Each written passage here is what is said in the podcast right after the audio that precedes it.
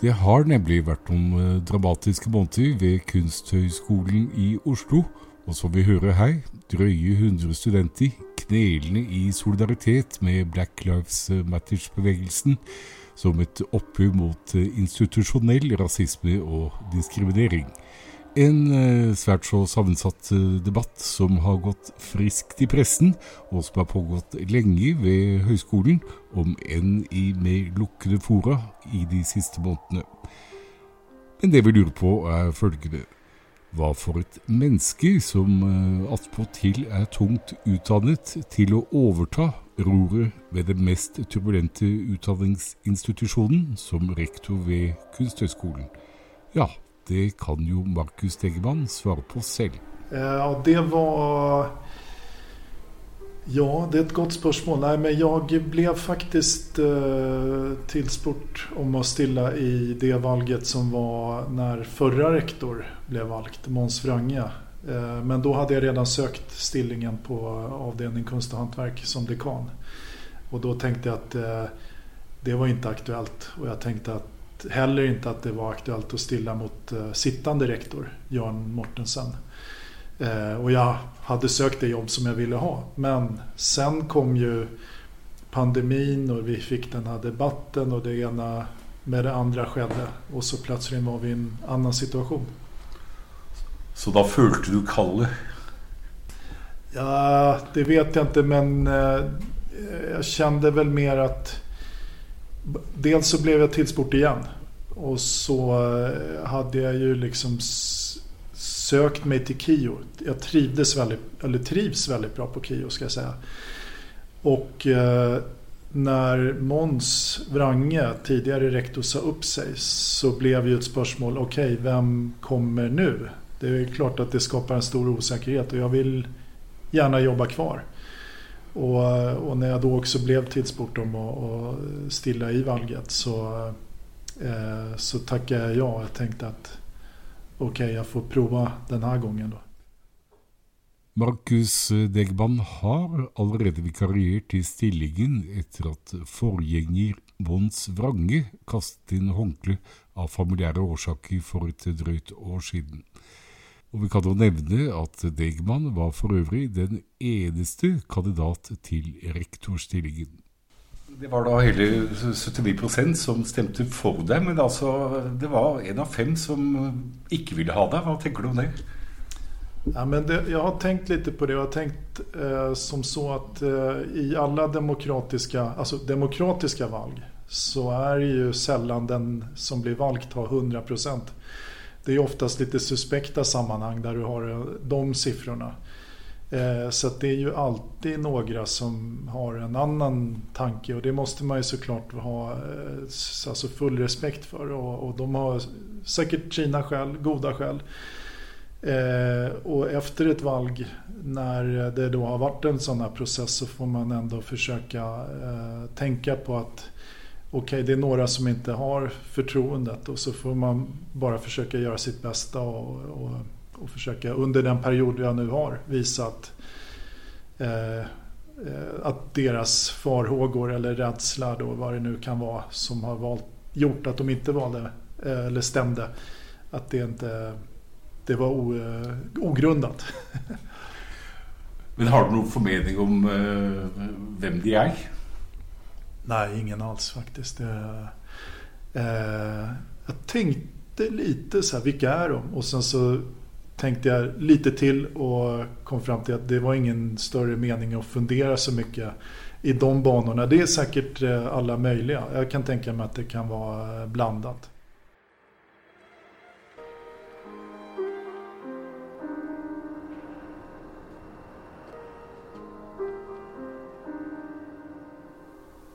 Men hvordan oppfattes rektorvalget blant studentene?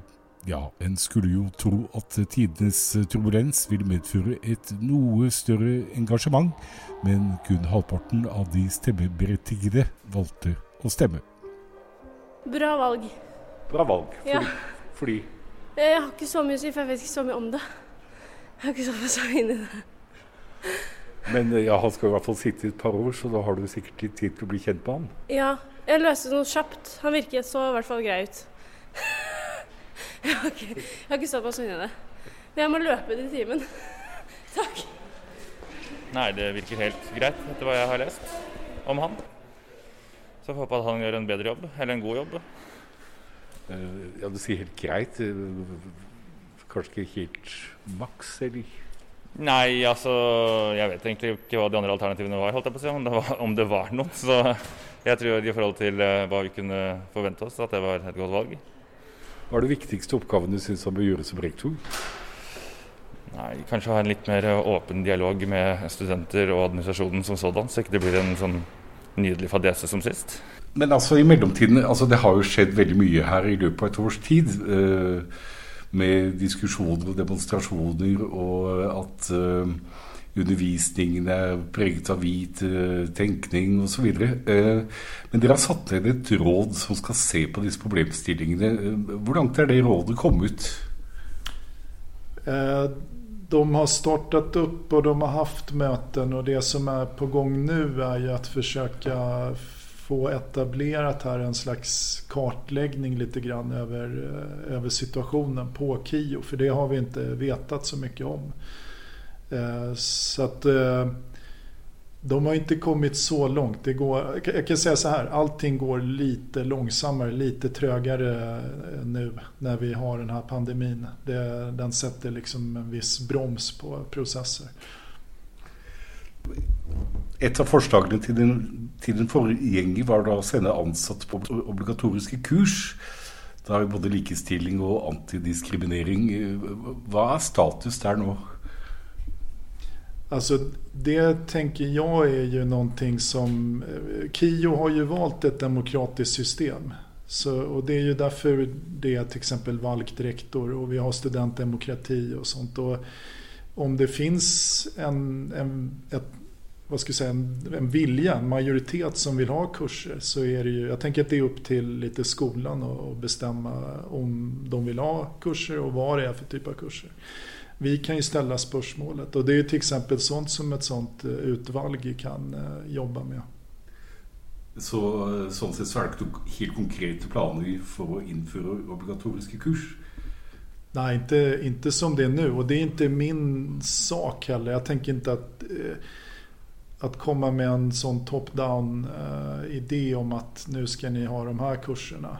Eh, det kan, man kan komma med förslaget. Men jag tror inte att det är bäst att bara eh, liksom implementera det eh, utan att ens... Eh, dels så kanske vi, jag tror att den här kartläggningen också som jag pratade om tidigare är en, en viktig del i det. Så att vi vet, okej okay, vad är det för kurser, vad är det för saker vi behöver göra? Och sen får det liksom gå igenom organisationen.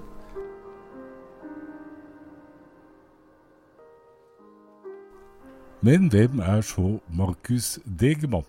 Som har sin utdanning fra Stockholm som kunstner og arkitekt? Han har vært instituttledig for Akademiet i Tromsø, bl.a. Som du sikkert har skjønt, så hører vi en rektor som snakker svensk. Og her kommer en viktig presisjon inn. Han er svensk-finsk. Man kan titta tillbaks så har ju, det är en, um, en, vad ska vi kalla det, i det svenska samhället, den här gruppens eh, roll lite grann, ja, hur, hur det, den har eh, ansetts i, i samhället. Som har präglat egentligen många i alla fall. Ja, på vilken måte? Ja, det är ju, har ju kanske, det är lite intressant när vi tittar på, på de här diskussionerna idag när det är, det är väldigt viktigt att ta tillvara alltså andra minoritetsgrupper, språk och kulturer och sånt. Och, och det är min erfarenhet i alla fall från, från min uppväxt och sånt är väl att det var kanske inte fallet riktigt när jag när jag växte upp. Utan det var ju, visserligen kom hemspråkundervisning och sånt då. Men det var ju det var inte direkt eh, väl ansett. Det var det inte. Utan det var ju lite av ett jag ska kanske inte säga stigma men det var ändå ja. Men eh, det er vel også en ting du har hevdet, at med nettopp din eh, eh svensk-finske bakgrunn, at du har en, eh, kanskje en dypere innsikt i f.eks. minoritetsspørsmål her ved Kunsthögskolan? Jag vet inte det riktigt, men det jag kan säga, för jag kan inte tala om andra, det kan jag inte göra, men jag kan, jag kan tala om mig själv och jag kan i alla fall veta det att eh, eh det är ju en sak. Eh, om du har en, eh, vad kan vi kalla det, en, en, normativ majoritetsbakgrund, vad det nu är. Men låt säga att vi, eh, vi har en sån kategori. Så är det ju en massa saker som du inte, eller du, du behöver, du tar dem för givet. Det är ingenting du funderar på. Men om du har en annan, eh, liksom lite mer tudelad eller du har en annan bakgrund som inte tillhör den, liksom, den, den eh, kategori som sätter normen. Så, så märker du ju det. Eh, och du märker också att det finns, eller du vet att det finns andra sätt att tänka på saker, att göra saker och att det som någon tycker är rätt, riktigt, fint eller fult eller vad det nu är.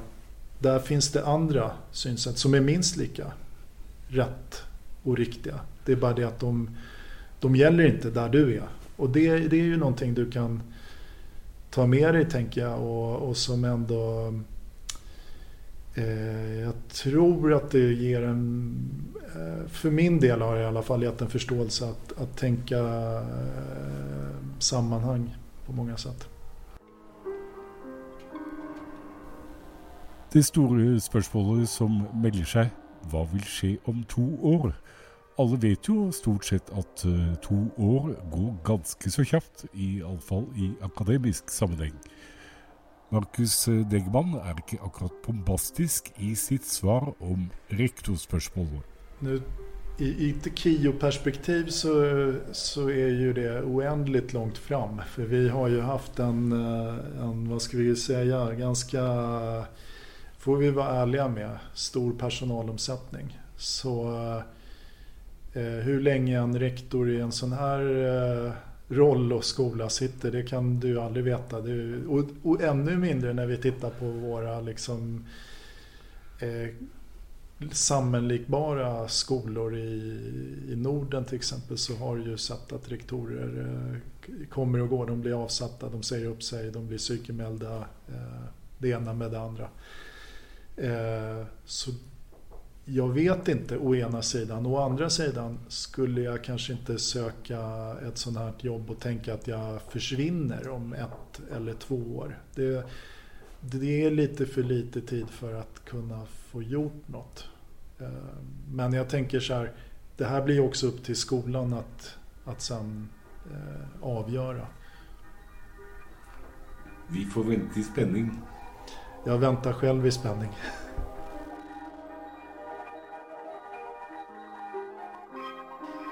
Denne podkasten er laget av Erik Jacobsen for Kunstavisen med støtte fra Ekbos legat.